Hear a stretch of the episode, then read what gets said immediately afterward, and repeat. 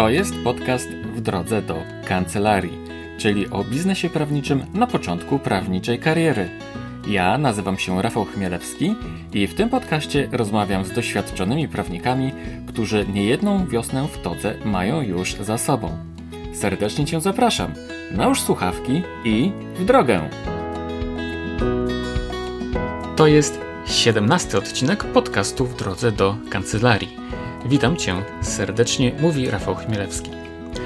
Dzisiejszym moim gościem, dzisiejszym naszym gościem jest pani mecenas, radca prawny, doktor nauk prawnych, nauczyciel akademicki, pani Karolina Rokicka-Murszewska, autorka dwóch prawniczych blogów. Z panią mecenas znamy się już kilka dobrych lat, od kiedy po studiach prawniczych rozpoczęła pracę w toruńskiej kancelarii Sienkiewicz i Zamroch. Wkrótce też rozpoczęła prowadzenie swojego pierwszego bloga w tejże kancelarii. Po paru latach zdała egzamin zawodowy, obroniła pracę doktorską i przyniosła się do stolicy. Tutaj rozpoczęła pracę w kancelarii APDK Adwokaci i rozpoczęła również prowadzenie swojego drugiego bloga prawniczego. Moja rozmówczyni jest osobą niezwykle zajętą, zapracowaną, ale przy tym patrzącą na świat i na ludzi przez różowe, bardzo różowe okulary.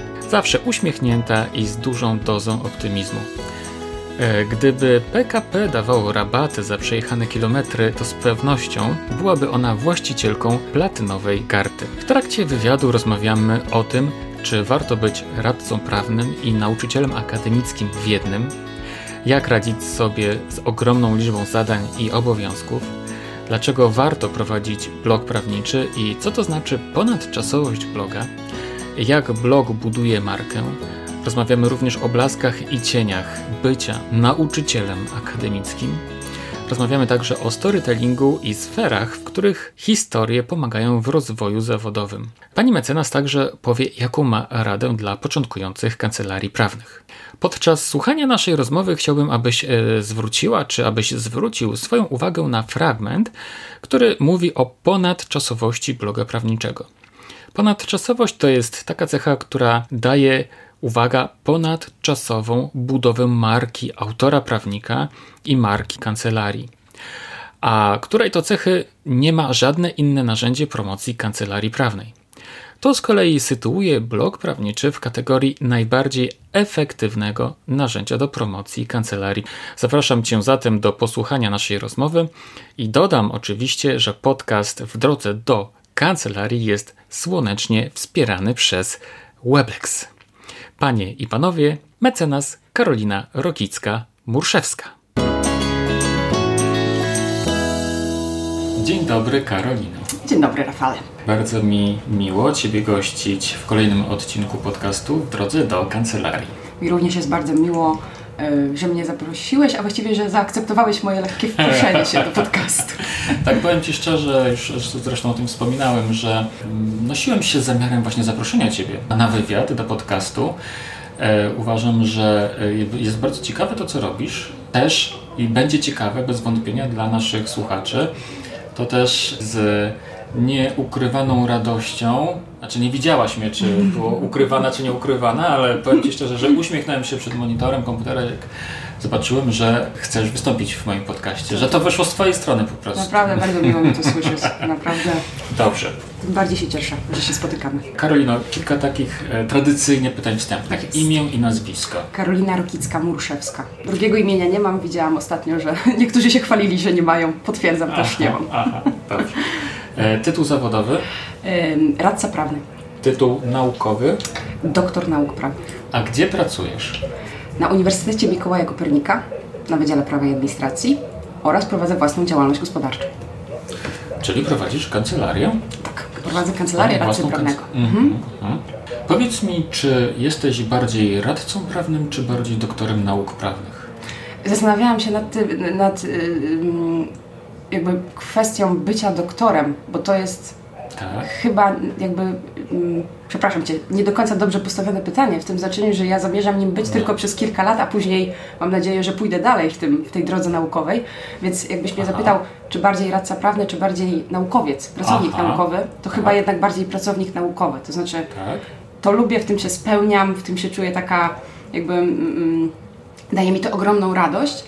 No natomiast, natomiast radca prawny jest dla mnie takim dopełnieniem kwestii naukowych w tym znaczeniu, że ja wiem, że bez praktyki, no to ja nie będę też dobrym e, naukowcem w tym znaczeniu. Także to jest jakby, na pierwszym miejscu postawiłabym jednak pracę naukową, a na drugim, bardzo blisko, ale jednak na drugim miejscu mhm. E, tą karierę mhm. praktyka. Mhm. I tutaj powiem Ci szczerze, że przypomina mi się moja własna historia, e, kiedy ja kończyłem Uniwersytet Warszawski i oddawałem pracę swoją magisterską to było e, w katedrze prawa podatkowego i mój promotor mnie zapytał, co dalej. A ja mówię do niego, że no, ja chciałbym bardzo doktorat napisać. On do mnie mówi, panie Rafale, pan to niech najpierw idzie do roboty. Niech pan nabierze doświadczenia, a dopiero potem niech pan przyjdzie i napisze doktorat. I myślę, że to nie była taka zła rada. Tylko czemu doktoratu nie napisałeś, Rafał? tu jest pytanie. Praktyka była, tylko doktoratu nie ma. wiesz dlaczego nie napisałem doktoratu? Bo w pewnym momencie zdałem sobie sprawę z tego, że po prostu mam, że, że ten doktorat to jest dla mnie podniesienie swojej własnej wartości. Mhm. Wiesz, że ja miałem po prostu niskie poczucie swojej własnej wartości i potrzebowałem, wiesz, tytułu naukowego, żeby się lepiej poczuć sam ze sobą. Teraz to wiem. Wtedy tego, tego nie, wiedziałem. nie wiedziałeś, jasne. Y, myślę, że ta rada nie była taka zła w tym kontekście, bo wydaje mi się, że praktyk ma więcej do przekazania tym studentom, a ta jego praca doktorska, czy później inne prace naukowe są po prostu bardziej wartościowe, bo zawsze oprócz tych kwestii teoretycznych, które no okej, okay, też można wyciągnąć z tych przepisów fajne rzeczy, tam są różne niuansiki, wiadomo, nasz ustawodawca jest jaki jest, więc jakby pole do popisu mamy ogromne. Natomiast z praktyki wychodzą naprawdę te prawdziwe problemy. Mhm. Przeniesienie ich później na ten grunt naukowy, taki teoretyczny, jest naprawdę wartościowe, moim zdaniem. Mhm, mhm. E, czy już piszesz, czy zastanawiasz się nad habilitacją? Jeszcze nie piszę, na razie, jak to u nas mówią, robię dorobek, czyli jakby myślę nad jakimiś ciekawymi artykułami naukowymi. Jestem już współautorką jednego komentarza do ustawy o samorządzie gminnym. Niedługo w Beku wyjdzie komentarz do specustawy mieszkaniowej, ostatniego hitu ustawodawcy i tam też jestem współautorką, także na razie jakby tutaj w tym zakresie się realizuję. Mhm. Habilitacja to myślę, muszę to gruntownie przemyśleć, co, co bym chciała, o czym bym chciała pisać, żeby to miało jakąś wartość dodaną mhm, dla mhm. nauki. Ale masz jakiś czas na napisanie tej habilitacji, czy nie? Na razie jestem, na, razie jestem na uczelni zatrudniona na stanowisku asystenta y, i dopiero jak dostanę awans na stanowisko adiunkta, to od tego momentu, przynajmniej na razie 8 lat, to się trochę zmienia w związku ze zmianami w y, ustawie prawo o szkolnictwie wyższym, ale no w tej chwili 8 lat. Także ja, dopóki nie jestem adiunktem, jakby mam jeszcze ten wstrzymany czas, powiedzmy o tak. Mhm. E, a, a adiunktem zostanę dopiero jak wydam swoją książkę, która też zresztą jest w przygotowaniu, to będzie mój doktorat po prostu wydany w formie e, książki. Aha. Więc, więc trochę to się wszystko, że tak powiem, w tym czasie niestety rozciąga, bo doktorat tak naprawdę mm, za 7 dni będzie ro, rok temu obro tak. został obroniony, także to, trochę to trwa. Tak. Wszystko. E, doktorat pisałaś o? O opłacie planistycznej, czyli z, w ogóle z zakresu planowania i zagospodarowania przestrzennego. I to zainteresowanie zresztą planowaniem, zagospodarowaniem się utrzymuje, chociażby ta, ten komentarz do specustawy, to jest taka jakby gdzieś tam konsekwencja tego, że ktoś zauważył, że, że ten temat mam w miarę dobrze obeznany, tak myślę. Aha, aha. Więc, więc gdzieś tam wokół tego tematu krążę, aczkolwiek y, nie zamykam się, bo tutaj też y, jakby ostatnio postępowanie egzekucyjne w administracji, gdzieś tam zaczynam w to wchodzić trochę głębiej. No, generalnie różne, różne tematy gdzieś tam się pojawiają nowe i myślę, że będzie się poszerzało spektrum zainteresowań. Aha, aha. A książka w, kiedy, jak myślisz, się ukaże? Yy, wydawnictwo UMK zapowiedziało mi, że tak luty, marzec realny. Mhm. To jest realny termin dla nich. No i myślę, że tak to będzie. Na razie, na razie piłeczka jest po mojej stronie, bo jestem w, na etapie korekty. Znaczy po korekcie, o tak, językowej, także ja muszę przysiąść znowu. Mhm. E, wiesz co, tutaj miałem dalsze pytanie. Na liście mam kawa czy herbata, ale wiesz co, w związku z tym, że pijemy kawę, to ja już przyjmuję, że to kawa, ogóle, że flat white i to już to... To jest pytanie poza kategorią dla mnie, nie? Ja w ogóle herbatę piję tylko zimą i to jest tylko owocowa albo miętowa i właściwie koniec. Aha, aha, dobra. E, powiedz mi tak, czy praca na uczelni jednocześnie jako praktykujący radca prawny, czy to jest coś trudnego? Jak, jak łączysz te dwie, dwa zawody, czy dwie kategorie obowiązków?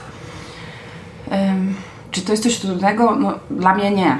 bo mam jakiś tam wypracowany system tej pracy i, i w tej chwili on działa całkiem nieźle. Plusem pracy naukowej jest to, że yy, znaczy, może tak, minusem są jakby to, że trzeba być na dydaktyce, na zajęciach, na miejscu, trzeba przeprowadzić te zajęcia, więc to są zawsze te dwa dni takie obowiązkowe na uczelni.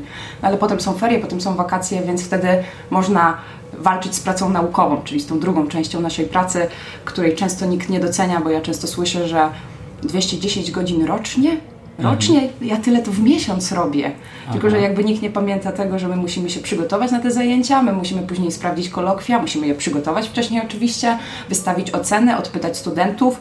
Ja jeszcze nie mam tego obowiązku, ale koledzy mają sprawdzić prace dyplomowe, przeprowadzić obrony, no i później jeszcze siąść i pisać. I to jest jakby ta najważniejsza część, bo tak naprawdę mm, trochę tak jest w tym środowisku, że z dydaktyki doce- znaczy za dydaktykę docenią nas studenci w ankietach i to jest bardzo przyjemne, natomiast jakby zatrudnienie, kwestie zatrudnieniowe to jest ta nauka, mhm. czyli te artykuły, komentarze, monografie. To jest jakby clue mhm. tej pracy, nie? A tego trochę nie widać w tych 210 słynnych godzinach. No i tak, no przecież musisz się dokształcać, musisz czytać, tak? Tak, Czy, tak, oczywiście. I jakby te, tego Orzeczenia, przecież to mhm. wszystko robisz, kiedy na przykład jesteś w drodze do pracy, tak z mhm. pracy jedziesz do Torunia czy do Warszawy. Tak, jakby to łączenie, jeszcze, jeszcze wracając do tego tak. Twojego pytania, y, ja to trochę wypracowałam na zasadzie gdzieś tam wyznaczonych mniej więcej dni na, na swoje zawody, o tak, czyli mniej więcej wiem, które, w które dni jestem na uczelni, kiedy jestem w kancelarii, czy współpracuję z jakimiś kancelariami, chodzę na rozprawy, to mniej więcej są zawsze te same dni i, i pilnuję tego, no bo, e, bo inaczej trudno byłoby to, tego, to połączyć. No i potem jeszcze zostaje mi weekend, który również jest świetnym momentem na pracę czasami. Także -hmm. to -hmm. mniej więcej tak to -hmm. u mnie funkcjonuje w ten mhm. sposób. Mhm. Tutaj współpracujesz z kancelarią? E, APDK Adwokaci w Warszawie, czyli z dwoma paniami adwokat, z Dominiką Kołodziejską-Kozą i Agnieszką Pietrzek. Też w sumie ciekawa współpraca, bo, bo panie mecenas się specjalizują w prawie medycznym przede wszystkim, z tego są gdzieś tam najbardziej kojarzone, tak. a ja z kolei z prawem medycznym nie mam za wiele wspólnego, też, mhm. też jeśli chodzi o naukę. E, natomiast no właśnie te części nasze wspólne to jest to gdzieś tam prawo administracyjne, które się pojawia też i w prawie medycznym, mhm. w jakimś tam stopniu oczywiście. E, no i fajne nowe wyzwania dzięki nim mam. Mhm. I to jest też, też taka e, wartość dodana, którą odkrywam, bo robię rzeczy, których dotychczas po prostu nie miałam okazji robić. Mhm. Dlaczego zostałaś prawnikiem? Moi rodzice, y, za co zawsze im jestem, jestem bardzo wdzięczna, oni nigdy nie naciskali na jakieś szczególne decyzje. Nie jestem z rodziny prawniczej, mama jest położną, tata jest y, emerytowanym y, oficerem marynarki wojennej, więc wow. nie miałam jakby nigdy tutaj z ich strony żadnych nacisków, absolutnie, że idź na prawo, bądź prawnikiem albo nie adwokatem, cokolwiek. Jakby rób to, co będzie Ci sprawiało przyjemność. Natomiast jak złożyłam już papiery na studia, nawet w Szczecinie, o ile dobrze pamiętam, mogłam iść na stosunki międzynarodowe bez rekrutacji, bo jakiś tam miałam indeks i złożyłam też w Toruniu właśnie na administrację, na stosunki międzynarodowe i taki znajomy moich rodziców powiedział, no ale złóż też na prawo, no dziewczyno. Ja mówię, no ale czemu mówię na administracja, tutaj spoko, w sumie kierunek, a on mówi, po prawie będziesz mogła robić to samo, co byś robiła po administracji i absolutnie nie będzie Ci to przeszkadzało w mm, wykonywaniu Twoich obowiązków, jeśli gdzieś tam połączysz sobie pracę w administracji, natomiast po prawie będziesz miała więcej możliwości. No i ja wtedy złożyłam na to prawo papier i się dostało. No i tak już zostało. Już, już na tą administrację później nie poszłam. Poszłam później na europeistykę, ale to było tak bardziej dla sportu, gdzieś tam mhm. na czwartym roku. Mhm. I kiedy już zaczęłaś studia, to nagle zauważyłaś, poznałaś siebie i uznałaś, że powinnaś kontynuować e, karierę naukową. Jak to było? Dlaczego się na to zdecydowałaś? Powiem Ci szczerze, to, jest, to są w ogóle trudne pytania, bo ja tak do końca, jakby ja nie, mam nie miałam żadnych takich planów na zasadzie oj, będę naukowcem i będę w ogóle pisać doktorat i tak dalej. Na studiach napisałam kilka artykułów, tam nie wiem, dwa albo trzy. I to było dla mnie fajne, by, byłam na jakichś konferencjach. No i była rekrutacja na doktorat i ja już wtedy wiedziałam, e, bo to było rok po skończeniu studiów prawniczych, kończyłam wtedy europeistykę w 2012 roku i ja wiedziałam, że mam będę miała sporo tych punktów dzięki temu, że też byłam na Erasmusie.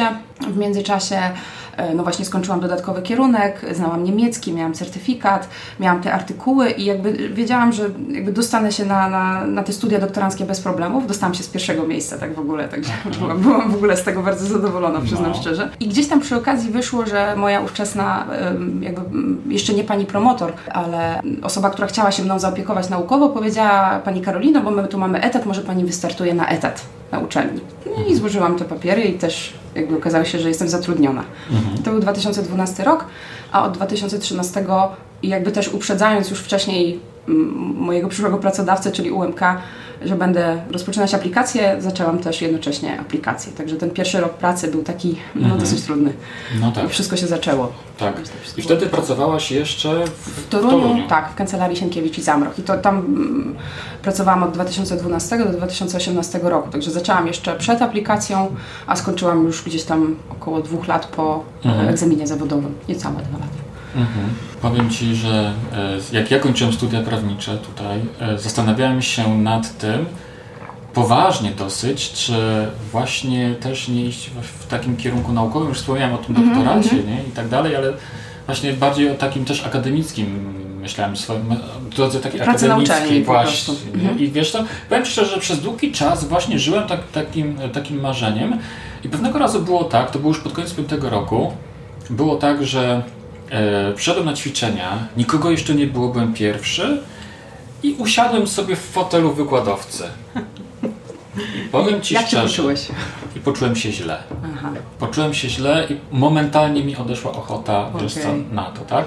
I wiesz, żyłem cały czas tym, tym przeświadczeniem, takim przekonaniem, że, że to może być coś, co, co, ja, co ja będę lubił mm-hmm. i nagle prysło wszystko, nie? Okay. Ale ty chyba nie jesteś takim typem showmana, e, a ty trochę tak, niektórzy wykładowcy to trochę tak mają, że, że jak, ja, jak ja to mówię, żeby zainteresować studentów, czasem trzeba zatańczyć i zaśpiewać. Aha. E, oprócz tego, że powiedzieć to, co się ma do powiedzenia. Aha. Więc, ale z drugiej strony jakby... No typem showmana nie jestem, to prawda. Nie? Jakby ale... też kwestie merytoryczne. Obiecuję Ci, że jak kiedyś uda mi się, bo taki mam, ale to plan plan powiedzmy na pewnie za kilkanaście lat. Jak otworzylibyśmy jakieś studia podyplomowe, na przykład marketing prawniczy we współpracy z Wydziałem Nauk Ekonomicznych, no bo u nas to niekoniecznie, będziesz jeden z prowadzących. Okay? Miałem kilka wystąpień dla studentów w UKSW. No i, i na UMK również to jakby na UMK. oczywiście dla naszych studentów miałeś również w ramach koła naukowego marketingu prawniczego. Więc... Też miałem, ale to jednak było troszkę inne wydarzenie. E, dlatego, że na UKSW to ja byłem, wiesz co, w ramach takiego po prostu programu, jakby to było takie jakby ćwiczenia. Aha, jedne z zajęć. Jedne z zajęć dla studentów. Okay. Więc oni po prostu przychodzili sobie tak i wiesz co, powiem Ci szczerze, że mnie doprowadzało to do szewskiej pasji, jak część z nich w ogóle, wiesz, mnie kompletnie nie słuchała, tak? Część grzebała sobie w komputerach, ktoś tam spał, ktoś jadł jakąś kanapkę. No no, masakra to Tu masz audytorium, które nie musi być zainteresowane. Tak. To znaczy, że które musi przyjść, a... No, tak a niekoniecznie chce przyjść. Na Natomiast tak, na konferencji inaczej. jest jednak dedykowane absolutnie audytorium, które przychodzi właściwie tylko po to, żeby posłuchać właśnie Ciebie, więc to jest zupełnie inne, inne podejście. Zresztą ta konferencja w ogóle była wyjątkowa, ponieważ tam Wam się udało zgromadzić no, tak. bardzo fajnych ludzi tak. z, całej, z całej Polski. Nie? To też było, myślę, ogromną zasługą e, już obecnego absolwenta Łukasza Kwiatkowskiego. Taki naprawdę jakby jeden z niewielu studentów, który, którym naprawdę się chciało. Mhm. Miał taką pasję jakby do tego zaangażowanie. Mhm. Y, no jakby też trudno nam się jakby powtórzyć już ten sukces, bo potem była druga edycja, która, no, z której też zresztą byli świetni prelegenci, ale już w dużo mniejszym gronie mhm. E, zorganizowana. Nie, nie było tam 15 osób, tylko bodajże chyba 5 czy 6 mhm. osób występowało, więc to już jednak zupełnie mhm. inny, inny zasięg. E, w tym roku czy będzie w ogóle zobaczymy, bo na mhm. razie jakby mhm. no, staramy się jakoś gdzieś tam wyjść z tą inicjatywą, ja się też staram, ale mhm. już nie bywa. Wyjaśnijmy tylko, że chodzi o konferencję. E, konferencja, która się nazywa Marketing Prawniczy 2.0. Mhm. E, była pierwsza edycja w 2017 roku, druga edycja w 2018 roku, a trzecia, miejmy nadzieję, będzie jednak w 2019 roku. I ona odbywa się na. Na Wydziale Prawa, e, tak, Uniwersytetu Mikołaja Kopernika w Toruniu. Jest organizowana przez Koło Naukowe Marketingu Prawniczego, okay. którego jestem opiekunem. Dobra. Lekko zmieniając temat. Tak jest. Masz szeroki ogląd, szeroką perspektywę masz.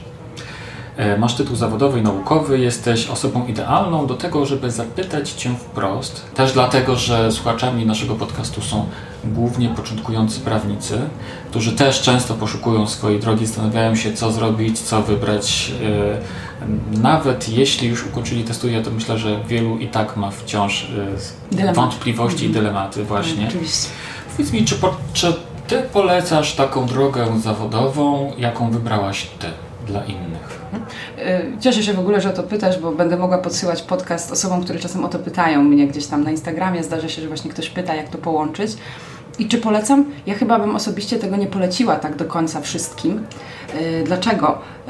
Jakby to połączenie od początku od razu aplikacji z pisaniem doktoratu, z pracą w kancelarii i pracą na uczelni jednocześnie, czyli prowadzeniem zajęć i jeszcze do tego doszło mi też wszystko w 2012 roku, to krążenie pomiędzy Toruniem a Warszawą, czyli Warszawą, gdzie mam życie osobiste i mieszkam, a Toruniem, gdzie pracuję tak. i, i gdzieś to życie zawodowe moje się toczy. To się mocno dało mi w jakimś tam momencie we znaki, zanim wypracowałam sobie system. I pamiętam w ogóle, że jakby ja w ogóle o tym nie pomyślałam i też w kancelarii nie było o tym mowy, żeby na przykład nie podchodzić do egzaminu zawodowego od razu po aplikacji. Więc ja podeszłam najpierw do egzaminu i potem dopiero obroniłam doktorat. I w tym samym czasie wielu moich znajomych naukowców, pracowników naukowych czy doktorantów robiło dokładnie odwrotnie, czyli pracowało w kancelarii, pisało doktorat, broniło doktorat i wpisywało się po prostu na listę, bo jest taka opcja, żeby napisać doktorat i w związku z tak. zdobytym doświadczeniem wpisać się na listę. Tak. No i na pewno było im trochę lżej. O te trzy miesiące y, życia mają więcej niż ja, bo ja je musiałam wyjąć na naukę Aha. do egzaminu gdzieś tam i przy tym też jednocześnie cały czas pracowałam, bo w tamtym czasie na uczelni y, jakby panowała raczej taka zasada, że no to jest pani prywatna sprawa, że pani się przygotowuje do egzaminu y, radcowskiego, więc ja musiałam sobie radzić sama tutaj z zajęciami i z tym, żeby się gdzieś tam uczyć w międzyczasie. Także to chyba nie była taka świetna droga, to znaczy męcząca, o tak. Ale też, żeby nie było, e, można było krótszą drogą, ja niczego nie żałuję i jakby cieszę się, że, że doszłam jednak tą ukrężną, bo to gdzieś tam mi też dużo, e, wiele rzeczy, wiele rzeczy mi pokazało, nauczyło też trochę dbania o siebie, a nie o innych dzięki temu, także... Czyli pracowałaś w kancelarii, pracowałaś już wtedy trochę na uczelni, tak? Tak, tak, tak. Znaczy w sumie od początku na cały etat i jakby u nas w katedrze cały etat oznaczał te 210 rocznie plus nadgodziny, czyli to były minimum dwa pełne dni zajęć. Albo, albo trzy czasami, aha, to różnie. I do tego musiałaś przygotować się w krótkim czasie do egzaminu zawodowego i jeszcze do obrony pracy doktorskiej. Wtedy jakby na czas przygotowań do egzaminu zawodowego jakby doktorat no, niestety leżał. Okay. Ja nic w tym czasie nie robiłam z tym doktoratem. Co z kolei pani promotor miała mi za złe, że tutaj zarzuciłam, ale wróciłam po, po egzaminie zawodowym, więc i tak jakby happy end był. No niesamowite, powiem Ci szczerze. Powiedz mi, Karolino, jaką masz radę dla początkujących kancelarii? Dla początkujących prawników taka może trochę taki e, truizm, ale mm, żeby nie, nie dać sobie wmówić, e, jak jesteśmy na początku, że, że czegoś nie wypada, że czegoś nie można, albo że sobie nie poradzimy, że się nie da. E, ja osobiście trochę zbyt długo wierzyłam, że nie można robić pewnych rzeczy samodzielnie, że trzeba być zależnym zawsze, że trzeba jakby gdzieś tam mieć jakieś, no coś w stylu stare, stałe źródło dochodu i tak dalej. Potem się okazało, jak już gdzieś tam poszłam na to swoje, że no nie jest źle i gdzieś tam sobie radzę i daję radę też, jako, jako już mówię tutaj bardziej w kontekście kariery radcy prawnego. Mhm. Także na własny rachunek też jest całkiem nieźle. Mhm. No wiadomo, że raz lepiej, raz gorzej. No. Różne miesiące są. Um, przy czym nie wiem, czy jestem tutaj obiektywna i to tak. też jakby przyznaję, bo ja mam zawsze umowę, czy e, źródło dochodu w postaci umowy o pracę na uczelni. Aha. Więc ja też trochę mogłam sobie pozwolić jakby tutaj na to ryzyko, no bo gwarancja mhm. tego, że wpłynie, wpłynie zawsze coś, za co będzie można żyć jest. Mhm. Natomiast, e, natomiast wiem, że wiele osób nie ma takiego komfortu gdzieś tam na początku, a kancelaria też musi, jakby ma swoje koszty. Tak jest. Także no ale wydaje mi się, że trzeba gdzieś tam w siebie wierzyć. Mm -hmm, to by -hmm. była moja rada. Mm -hmm, Dokładnie takie same słowa usłyszałem od e, Marty Koseckiej, która mm. była chyba w dziesiątym odcinku mm, Pamiętam, gdzie chyba nawet słuchałam tego Tak, tak. I ona dokładnie, mhm. ona, też tak, ona też powiedziała, żeby po prostu, żeby się nie bać, tak? Mhm. Żeby po prostu iść i, i to się da zrobić. Tak, tak. No to ja się z nią zgadzam w 100% w kwestii tej wiary w siebie. I wydaje mi się, że my trochę za mało wierzymy w siebie. E, w sensie, że Gdzieś tam w jakimś momencie człowiek, człowiekowi się wydaje, że no, że już więcej nie zniesie po prostu i że nie da rady. A gdzieś tam zawsze ktoś poda pomocną dłoń, zadzwoni i to właśnie w ogóle też było super, bo okazało się, jak już zaczęłam prowadzić tę własną działalność, że nie zapomnieli o mnie nawet chociażby moi koledzy z aplikacji, którzy gdzieś tam prowadzą własne kancelarie i po prostu dzwonią i pytają, czy a to nie chce iść do sądu, gdzieś tam jakieś zastępstwo, a to jakieś, jakąś tam sprawę e, drobną poprowadzić, czy coś takiego. Oczywiście odpłatnie wszystko, także to było też super, że cały czas się kręcił biznes. Mm -hmm. No i przy tym oczywiście współpraca z APDK, więc tak. jakby tutaj w ogóle. Tak. Ale wydaje mi się, wiesz co, że chyba na studiach w ogóle, znaczy to jest oczywiste, to jest, to jest, to jest kolejny truizm, że na studiach prawniczych brakuje takich przedmiotów, które by uczyły przedsiębiorczości, ale właśnie takie zajęcia by się przydały na pewno też, yy, bo one by po prostu pokazywały tą stronę taką praktyczną i właśnie budowałyby w nas to takie poczucie pewności, tak. wiary w siebie, tak? Jasne. Myślę, że studenci w ogóle się strasznie szybko zakopują w taki schemat, że a skończę studia, no to co, no to pójdę na aplikację do kancelarii i tam będę pracował, potem zdam egzamin, a potem to właściwie nie wiem. Mhm. Bo właściwie tutaj już dalej kończy się ten zazwyczaj krótki plan. Mhm. Zresztą no, ja ich trochę rozumiem, przynajmniej moich studentów rozumiem, bo w Toruniu no, to nie jest łatwy rynek, bo Toruń nie jest dużym miastem, a my studentów wypuszczamy y, ostatnimi czasy nawet trochę więcej, y, bo chyba tam było po 400, gdzieś 300, teraz z powrotem wracamy do tych 200, tak, y, tak, jak, tak jak niegdyś było, tak. no, ale to i tak 200 prawników, niech połowa wyjedzie, a połowa zostanie. Tak. To jest bardzo dużo osób. Tak a rynek jakby no, tak, rynek się tak szybko nie powiększa. Tak, nie? tak, rynek się wysycił chyba już. Chociaż z drugiej strony moi koledzy mówią, że oni nie mają problemów. Ci, co zostali. Więc ja myślę, że jest cały czas miejsce jeszcze dla tych nowych. Tylko mhm. trzeba mieć też pomysł na siebie, mhm. ale e, to być może przy kolejnych pytaniach ten pomysł na siebie jeszcze wyjdzie. Dobrze, a powiedz mi, czego takie początkujące kancelarie powinny unikać? Też znowu patrzę ze swojej perspektywy wyłącznie, ale może zbyt y, szerokiego jakby zakreślania sobie zakresu spraw, które chcą przyjmować, bo idzie się w tą specjalizację i no wiadomo, że na początku zbyt wąska sprawi, że być może nie będziemy mieli klientów, ale ja nie wierzę w coś takiego, że można się specjalizować w całym prawie, mhm. we, we, wszystkich dziedzinach, a, a, mhm. to, w to widzę wpadają niektórzy moi y, koledzy. Mhm, mhm. Tutaj może warto podkreślić, albo może zwrócić uwagę, że tą specjalizację to można zacząć już wcześniej, nie? Mhm czas, kiedy jeszcze studiujesz, można już myśleć o tym. Tak. Jeśli to jest błąd, no to najwyżej jest lekcja, tak? Do mhm. tego, żeby zmienić i to jest najlepszy moment, żeby, żeby zmieniać, ale żeby już wchodzić do zawodu, może już po aplikacji z jakąś konkretną specjalizacją, już mając jakieś otoczenie wokół siebie, które stanowi źródło potencjalnych klientów bądź w ogóle klientów już na tak, tym etapie. Tak. I gdzieś tam próbować z tą specjalizacją, przy tym oczywiście ucząc się tych takich kanonów, nie? Bo to też jest ważne, żeby gdzieś tam no, KPC kodeks cywilny, wiadomo, to jakby są takie rzeczy, które, które, muszą, które, które musimy umieć wszyscy, ale jak się jeszcze przy tym znamy na czymś wybitnie, mhm. no to chyba już naprawdę wygraliśmy. Jesteś prawniczą blogerką. Tak czy nie? to jest trudne pytanie. Kolejne. Sama masz trudne pytania, naprawdę. W sumie, no dobra, jestem. Tak. tak. Ustalmy, że tak. Y, przy czym ten mój blog obecny mocno kuleje y, jakby i, i, mocno mi się na razie jakby tutaj nie udaje z nim y, być na bieżąco. O tak, tam jest to kilka jest wpisów. Blog? To jest blog, który się nazywa Odwołania decyzji i tak. jest pod adresem takim jak moje nazwisko, rokickamurszewska.pl ale tam, no mówię, jest kilka wpisów i nawet nie to, że nie mam na niego pomysłu, bo, bo wydaje mi się, że, że mam, natomiast ja nie wiem, czego, czego mi brakuje w tym momencie. Czasu, chęci, czegoś, czegoś tam brak, bo jednak mimo wszystko te wpisy nie powstają zbyt często. Natomiast ten mój poprzedni blog, bo pewnie tutaj też do tego chcesz nawiązać, tak. czyli zakończenie działalności.pl, blog, który prowadziłam e, w kancelarii Sienkiewicz i Zamroch, to był mój początek i no to jest takie moje powiedzmy jeszcze wciąż sentymentalne dziecko, bo to był naprawdę, znaczy to jest nadal, bo, bo ten blog funkcjonuje, fajny blog, który dotyczył no, kończenia działalności tak, e, spółek e, i, i no nie tylko spółek, w ogóle działalności gospodarczej. No, ten blog, który teraz mhm. y, prowadzisz, on jest jakby bardziej w tej kategorii tematycznej, w ramach której ty się obracasz na, na bieżąco. Mhm. No tak, tak, bardziej przy prawie administracyjnym jednak, bo to jest odwołanie decyzji administracyjnej. No właśnie, a tamten blog raczej tego nie dotyczył, znaczy był mhm. trochę to znaczy, czymś innym, Tamten tak? blog był stricte związany z, z tą praktyką, bo jakby w, w, w Kancelarii Sienkiewicz i Zamroch ja się zajmowałam głównie spółkami, e, kuratelami też spółek, to było takie dosyć rzadkie w sumie e, i jakby właśnie tymi kwestiami związanymi z kończeniem, czyli upadłością, restrukturyzacją, tam może w jakimś niewielkim stopniu. I jakby na kanwie tego powstał mój blog. Doświadczeń z KRS-em na przykład, bo ja miałam mhm. stały kontakt z, z Krajowym Rejestrem Sądowym, z Wydziałem e, naszym toruńskim, więc jakby na kanwie tego pisałam te wpisy.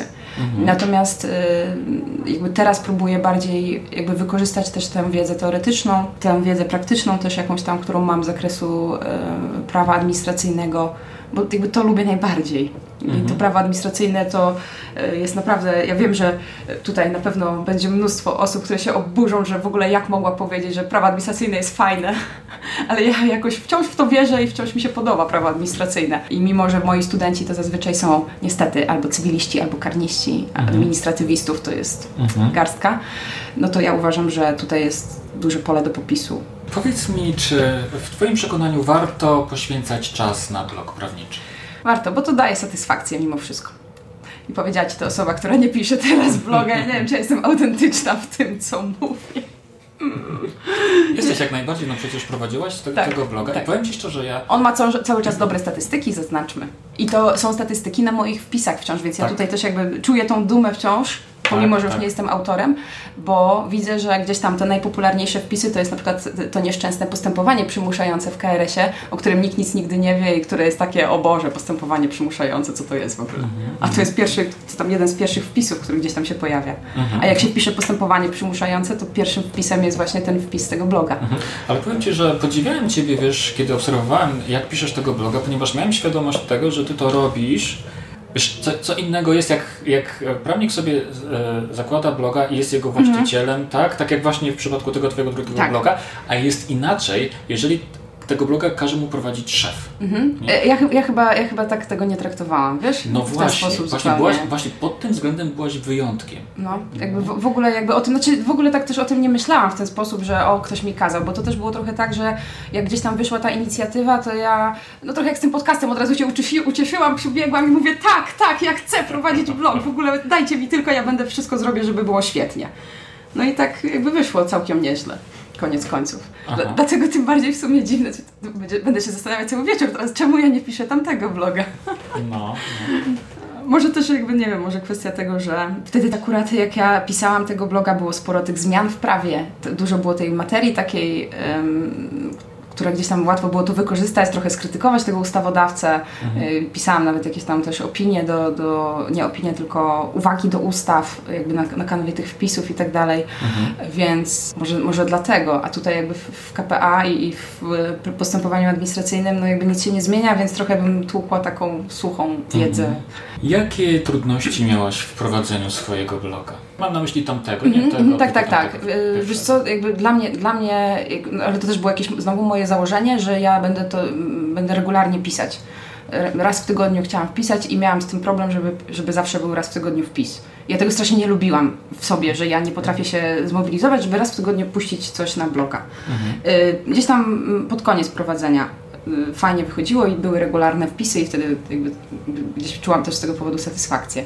Natomiast chyba takich jakichś trudności szczególnych ja nie miałam. Jakby szybko udało mi się ogarnąć gdzieś tam WordPressa, więc jakby te mhm. kwestie techniczne to w ogóle nie było y, problemem. I mi się wydaje, że w ogóle jak, jak ktoś chce prowadzić bloga, to właśnie fajnie jak ma jakąś tam wiedzę z tego zakresu, bo w ogóle im dłużej prowadziłam bloga, tym łatwiej wpisy e, przychodziły. Mhm, mhm. A skąd czerpałaś pomysły na artykuły? Już powiedziałaś wcześniej, że niektórzy mhm. ci Tak, tak, ktoś tam coś, tak, ktoś, były, ktoś coś podesłał, tak. albo, albo właśnie e, jakaś, jakieś, przyszło jakieś orzeczenie, e, które było takie zaskakujące na przykład, albo inaczej, zgodne z naszymi oczekiwaniami, bo to, bo to i o pozytywach, i o negatywach oczywiście, ale też miałam ustawione na przykład Google Alert, na pewne frazy, które jakby gdzieś tam mi sugerowały, że coś się dzieje, a to nie wiem, że tak. jakieś tam Rzeczpospolita, Gazeta Prawna sygnalizowały, więc mhm. ja zresztą do teraz to, to mam też trochę teraz na inne już frazy, ale mhm. jakby bardzo mi to pomaga w takim codziennym trzymaniu ręki na pulsie. Mhm, mhm. Google Alert. Tego bloga pierwszego nie prowadzisz już od jakiego czasu? no od czerwca tego roku. Od czerwca tego roku, czyli jest w zasadzie pół, pół roku, roku, niedługo mhm. będzie a ten blog wciąż żyje. Mhm. Tam jest, większość artykułów jest oczywiście Twoich, ten blog wciąż mhm, żyje tak. i gdyby tam było Twoje imię i nazwisko, to ten blog cały czas by budował Twoją markę, mhm. nawet kiedy byś go przestała prowadzić. To jest, teraz powiem Ci ciekawą rzecz, że ostatnio byłam na konferencji w Gdańsku i podchodzi do mnie taka dosyć dawno niewidziana koleżanka i mówi, że ona to w ogóle korzysta z tego bloga cały czas i w ogóle, że super, ona jest adwokatem z Krakowa i mówi, że w ogóle świetny blog i tak dalej. A ja mówię, Ola, mówię, ale ja już go nie prowadzę. A ja, ona mówi, że no tak, no ja widziałam, że tam jakieś inne zdjęcie, ale w sumie ja cały czas wchodzę, bo wiem, że ty tam piszesz. Aha. Więc w ogóle to było dla mnie zaskakujące doktorce, że ona tam widziała, że jest wisi zupełnie inne zdjęcie przecież innego autora, bo teraz jest autorem e, e, partner z kancelarii Sienkiewicz Zamrok, czyli e, Karol Sienkiewicz. I jest jego zdjęcie oczywiście i, i on teraz tworzy wpisy na blogu, a ona cały czas mówi, że ona wchodzi, bo ona wie, że tam, tam są te moje wpisy, z których ona korzysta, bo ona też jakby gdzieś tam pewne specyficzne wpisy mówiła chyba, nie wiem, czy te kuratele właśnie, jakby tylko jakaś tam działka ją interesowała z tego bloga, też nie wszystko oczywiście, także to było w ogóle no, dosyć zabawne z tym, z tym życiem, a budowaniem marki. No właśnie i tutaj mhm. wydaje mi się, że warto nawiązać do tego mojego wcześniejszego pytania, czy warto prowadzić blog prawniczy? Bo budowanie marki, no tak, jasne taki efekt mhm. ponadczasowy, mhm. nie? Tak naprawdę, że no, wciąż są czytane te tak. artykuły, które, co prawda nie ma tam Twojego nazwiska, tak? Ale znaczy, jest te... przy artykułach, jeżeli ktoś tam by się doczytał. Nad, nad, moim nazwisko. artykułem wisi moje nazwisko, tak, tak, tak. to, to mhm, jakby się mhm. nie zmieniło, także jak ktoś tam się wczyta, no ale wiadomo, że zazwyczaj wszyscy zwracają uwagę na zdjęcie, także e, tak. e, e, oczywista jest, że jakby tutaj trochę ten, jakby moja marka trochę jakby tutaj się pogorszyła, aczkolwiek jakby mówię, ja tak tego nie traktuję, bo no ja też... E, przez tego bloga się mnóstwo rzeczy nauczyłam. I jakby to jest też w ogóle e, coś, o czym pewnie się nie myśli, jak się zaczyna pisać, że po prostu autor się mnóstwa rzeczy uczy, bo musi sprawdzić, Aha. bo musi e, gdzieś tam e, coś sobie wiadomo, wyciągnąć z, nie wiem, z jakiegoś komentarza chociażby, czy z wyroku, z czegokolwiek, także to jest też w ogóle tak. taka, myślę, niedoceniana zaleta bloga. Tak, my się tak. uczymy. Mhm. Powiedz nam, Karolino, jak promujesz siebie i swoje usługi, jeżeli je promujesz? W chwili obecnej nie. To znaczy, jakby bardzo, no mam zapytania oczywiście od jakichś osób z zewnątrz, ale mam tyle innej pracy, jakby w APDK, y, mam swoją jakąś tam część, mam takie te zlecenia od gdzieś tam jakichś znajomych radców prawnych, adwokatów, które gdzieś tam już prowadzę i jakieś takie wpadkowe, ostatnio pisałam opinię na przykład o zakazie handlu w niedzielę. To jakieś takie rzeczy, które nie zajmą mi dużo czasu, to oczywiście mhm. tak. Natomiast jakby ja tego nie promuję, to ludzie trafiają do mnie. Mm, ostatnio było pierwsze zapytanie w ogóle z bloga z tego mojego z odwołania od decyzji. Było w ogóle zapytanie z, o plan miejscowy, czyli właśnie o rzecz, o której ja tam gdzieś przy doktoracie mi wychodziła, tylko tyle, że trzeba było to zrobić na jutro. Aha. No i tutaj niestety musiałam Pani z przykrością odmówić, bo sprawa wydawała mi się bardzo ciekawa, ale no ja z dnia na dzień nie jestem w stanie okay czegoś takiego zrobić. Nie? Jakby ze mną najlepiej się umówić tak z pół roku wcześniej. E, moja ciocia na 80, jak zapraszała mnie e, na 4 listopada, na, drugi, na, na 3 listopada, to powiedziała mi to w styczniu. Ja jej tak dziękowałam, że ona powiedziała mi to w styczniu, bo ja dzięki temu wiedziałam, że ja na 100% będę. Jakby Aha. powiedziała mi miesiąc wcześniej, no to Aha. cokolwiek, na przykład zajęcia na studiach zaocznych i ja już nie jestem w stanie tak. tego zmienić. Tak. No, no, aha, no i jeszcze tutaj jakby e, Facebook, jeśli chodzi o promowanie, bo ja jakby no. prowadzę na Facebooku stronę e, bloga i ja tam nawet czasem coś wrzucę poza blogiem, czyli jakieś tam swoje tak. zdjęcie z, nie wiem, właśnie a propos komentarza, czy a propos czegoś i tam przychodzą zapytania, tylko tam na razie jest problem z, z frazą chyba i w ogóle z jakby skojarzeniem tego, czym ja się zajmuję, bo tam się nazywa ten profil odwołanie od decyzji, no i niestety na przykład piszą do mnie, e, ostatnio napisał pan skazany na jakąś karę pozbawienia wolności. Czy ja mu napiszę odwołanie od tej decyzji, od wyroku skazującego, tak, w znaczeniu, więc tak. no, musiałam mu wytłumaczyć, że, że tak nie do końca jakby tym się zajmuję. E, też często e, różne takie kwestie związane z ZUS-em. No i o ile to by było jakieś takie nieskomplikowane, no dobra, nie, jakby nie ma spraw nieskomplikowanych w ZUS-ie, to jest zawsze sprawa skomplikowana, więc tutaj mhm. też jest problem taki czasowy po prostu, że ja nie mam mhm. kiedy w to wniknąć, mhm, mhm. a tutaj by trzeba mhm. się zagłębiać. Korzystasz też... Na Facebooku są zapytania. Tak. Korzystasz też z Instagrama. Mhm. Na Instagramie nie ma zapytań, jeśli o to pytasz. Y, natomiast, natomiast są fajne reakcje ludzi. Ja to bardzo lubię, że jest jakieś tam zainteresowanie tym, co robię, moją osobą. Właśnie często są te zapytania o to połączenie doktoratu, aplikacji, jak to zrobić, jak to jakoś rozegrać zgrabnie. Też się odzywają jacyś właśnie doktoranci w jakiejś tam sprawie konferencji, jakieś zaproszenia, takie rzeczy. Y, kontakt też z, z osobami, które gdzieś tam funkcjonują w tej y, nie tylko blogosferze, ale w ogóle przy, jeśli chodzi o marketing prawniczy, też trzymam gdzieś tam y, i, i wykorzystuję to potem przy okazji jakichś spotkań koła. Naszego mhm. koła naukowego marketingu. Mhm. Czyli ten profil na Instagramie służy Ci do budowania relacji? Chyba tak, chyba najbardziej w tym Też ze studentami, których uczysz? Y, też, chociaż studenci to raczej ograniczają się chyba do lajków najbardziej. No. Raczej rzadko tak, kiedy tak, gdzieś tam tak. się odzywają, aczkolwiek mm, jeśli by nawet tak było, to jakby ja nie mam nic, nic przeciwko temu, żeby gdzieś tam też ze studentami była relacja mhm. instagramowa. Dla mnie to jest absolutnie y, jakby normalne, że ten dystans trzeba skracać. Oczywiście jakby w pewnych granicach, bo jakby też uczelnia sama ma swoje ramy i trochę wymusza na nas to, żeby jednak no, relacja, tak, ten pracownik, student gdzieś tam się nie zaburzyła, ale przy tym wszystkim no, trzeba też być człowiekiem i jakby ja bardzo jakby dążę do tego, żeby ci studenci tak mnie postrzegali. Ja nie jestem jakąś chyba kosą straszną, tak mi się wydaje, no, no ale te kolokwie jakiś tam poziom mają i tak dalej i, i ja nie chcę z tego powodu, że ktoś nie zda, żeby mnie nie lubił, bo tak, żeby jakoś jakby personalnie wiązał to wszystko, e, okay. że, że gdzieś tam mu nie poszło z moją osobą. Na początku miałam z tym taki problem właśnie pod tytułem, że ojejku, a to jest moja pierwsza dwuja i pierwsza poprawka i to akurat u pani. I ja to tak strasznie przeżywałam, że to jest, że to jest w ogóle moja wina, nie? Także trochę mi zajęło czasu przetworzenie sobie w głowie, że ja to ja, a jakby jak ktoś się nie nauczył, no to to już jest trochę jego problem. Mm, także, także staram się jakby wychodzić do studentów, no ale też jakby nie wymagać mhm. i, i przypominać im o tym, że, że są na studiach. Aha. nam, co koniecznie trzeba przeczytać. No i teraz, y, co trzeba przeczytać w ogóle? Bo ja ostatnio przeczytałam świetną serię Katarzyny Bondy, Cztery żywioły Saszy Załuskiej. Polecam, można przeczytać. Dobra. Pytałeś o, blogosfe- o blogowanie, tak? Zapewne. Nie. Nie? W ogóle? Wiesz co, pytałem w ogóle, miałem na myśli jakąś literaturę z zakresu rozwoju, mhm. To byś musiał zaprosić mojego męża kiedyś coś na pogadankę, bo on jest w ogóle fascynuje się rozwojem osobistym i on czyta mnóstwo tych książek, także on tutaj jest świetny. Czasem mi poleca, czasem nawet przeczytam, ale trochę to ze mną jest tak, że ja jak nie wywrze na mnie książka wrażenia, to ja nie pamiętam potem, co ja przeczytałam, tytułu i tak mhm. dalej. I trochę tak mam z tymi książkami takimi trochę coachingowymi, że coś tam pewnie wyniosę dla siebie, ale tytułu Ci nie powiem, jaki był. Także, okay. także y, y, jeszcze tak y, pod kątem tych, tego blogowania, to ja bym ewentualnie poleciła tym, którzy, ale to tak naprawdę tym, którzy totalnie zaczynają. E, social Media Start Tomka Tomczyka. To jest ten taki początek, który, tak jak ktoś nie ma w ogóle pojęcia o, o mediach społecznościowych i, i, w ogóle nie miał z tym nigdy do czynienia, to warto by było przeczytać. No, twoją książkę i naprawdę nie z czystej sympatii, ale moim zdaniem dla początkujących osób ona jest świetna, dla takich, którzy nie mają pojęcia o tym, jak blogować i, i jak to rozegrać. I ewentualnie może jakby to już też na później trochę tą narratologię Pawła Tkaczyka, to już w kontekście pisania historii, gdzieś tam mi to się przydało. To znaczy tak. poukładałam sobie to, co już wiedziałam może o tak. tak. Więc to jakby te, te, trzy, te trzy rzeczy. A w kwestii takiego rozwoju to, to chyba nie, nie, nie okay. będę polecać. Okay.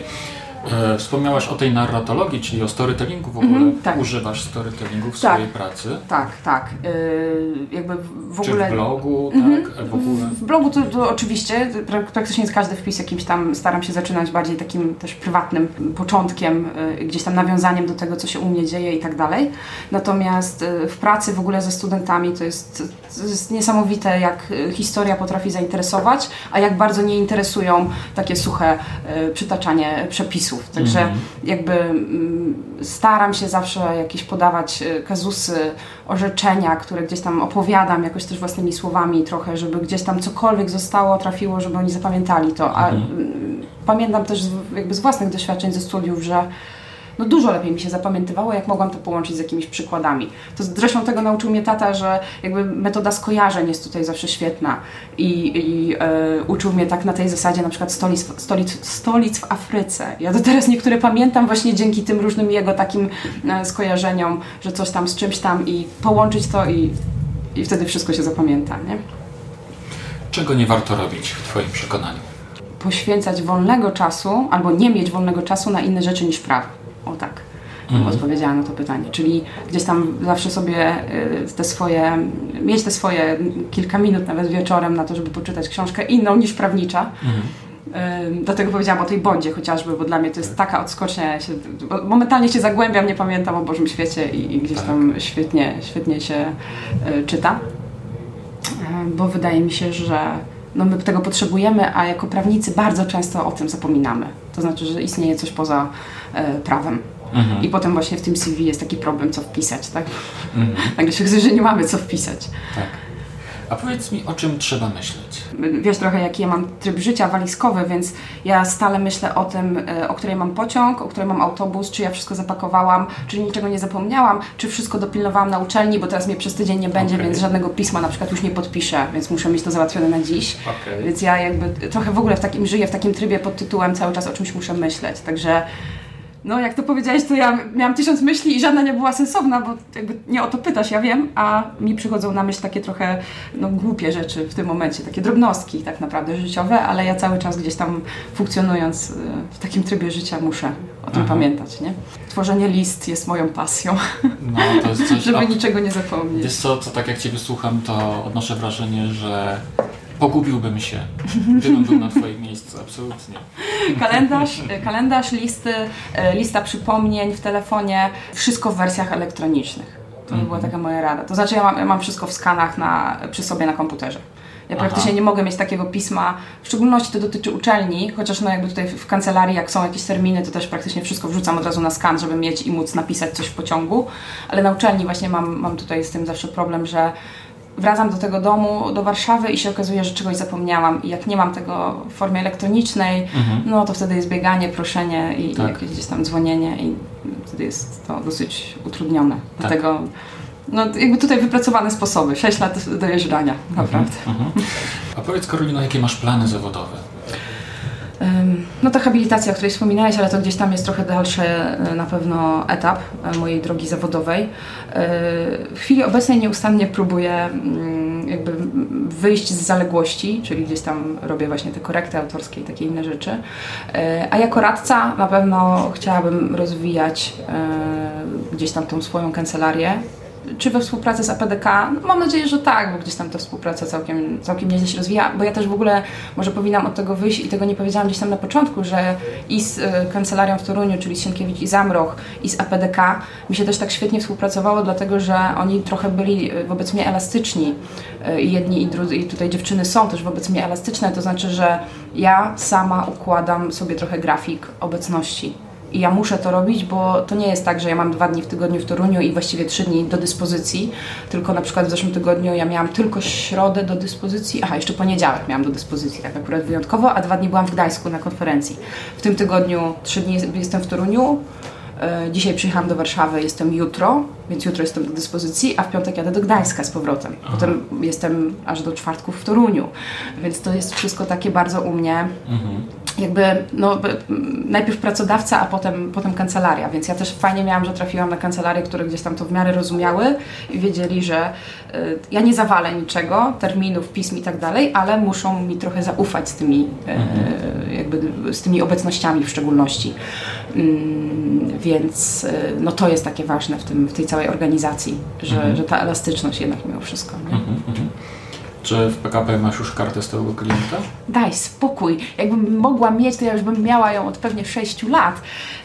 jeszcze przez długi czas y, miałam zniżkę doktoranta, więc to było świetne. Teraz nie mam, więc w ogóle bilety y, są wbrew pozorom całkiem drogie. Mhm. Mm, także, a nie, nie mam żadnej zniżki, niestety nie ma zniżki dla nauczycieli akademickich, y, także... Mhm. Mhm. Karolina, bardzo, bardzo serdecznie dziękuję Ci za Dziękuję rozmowę. Ci bardzo też za rozmowę.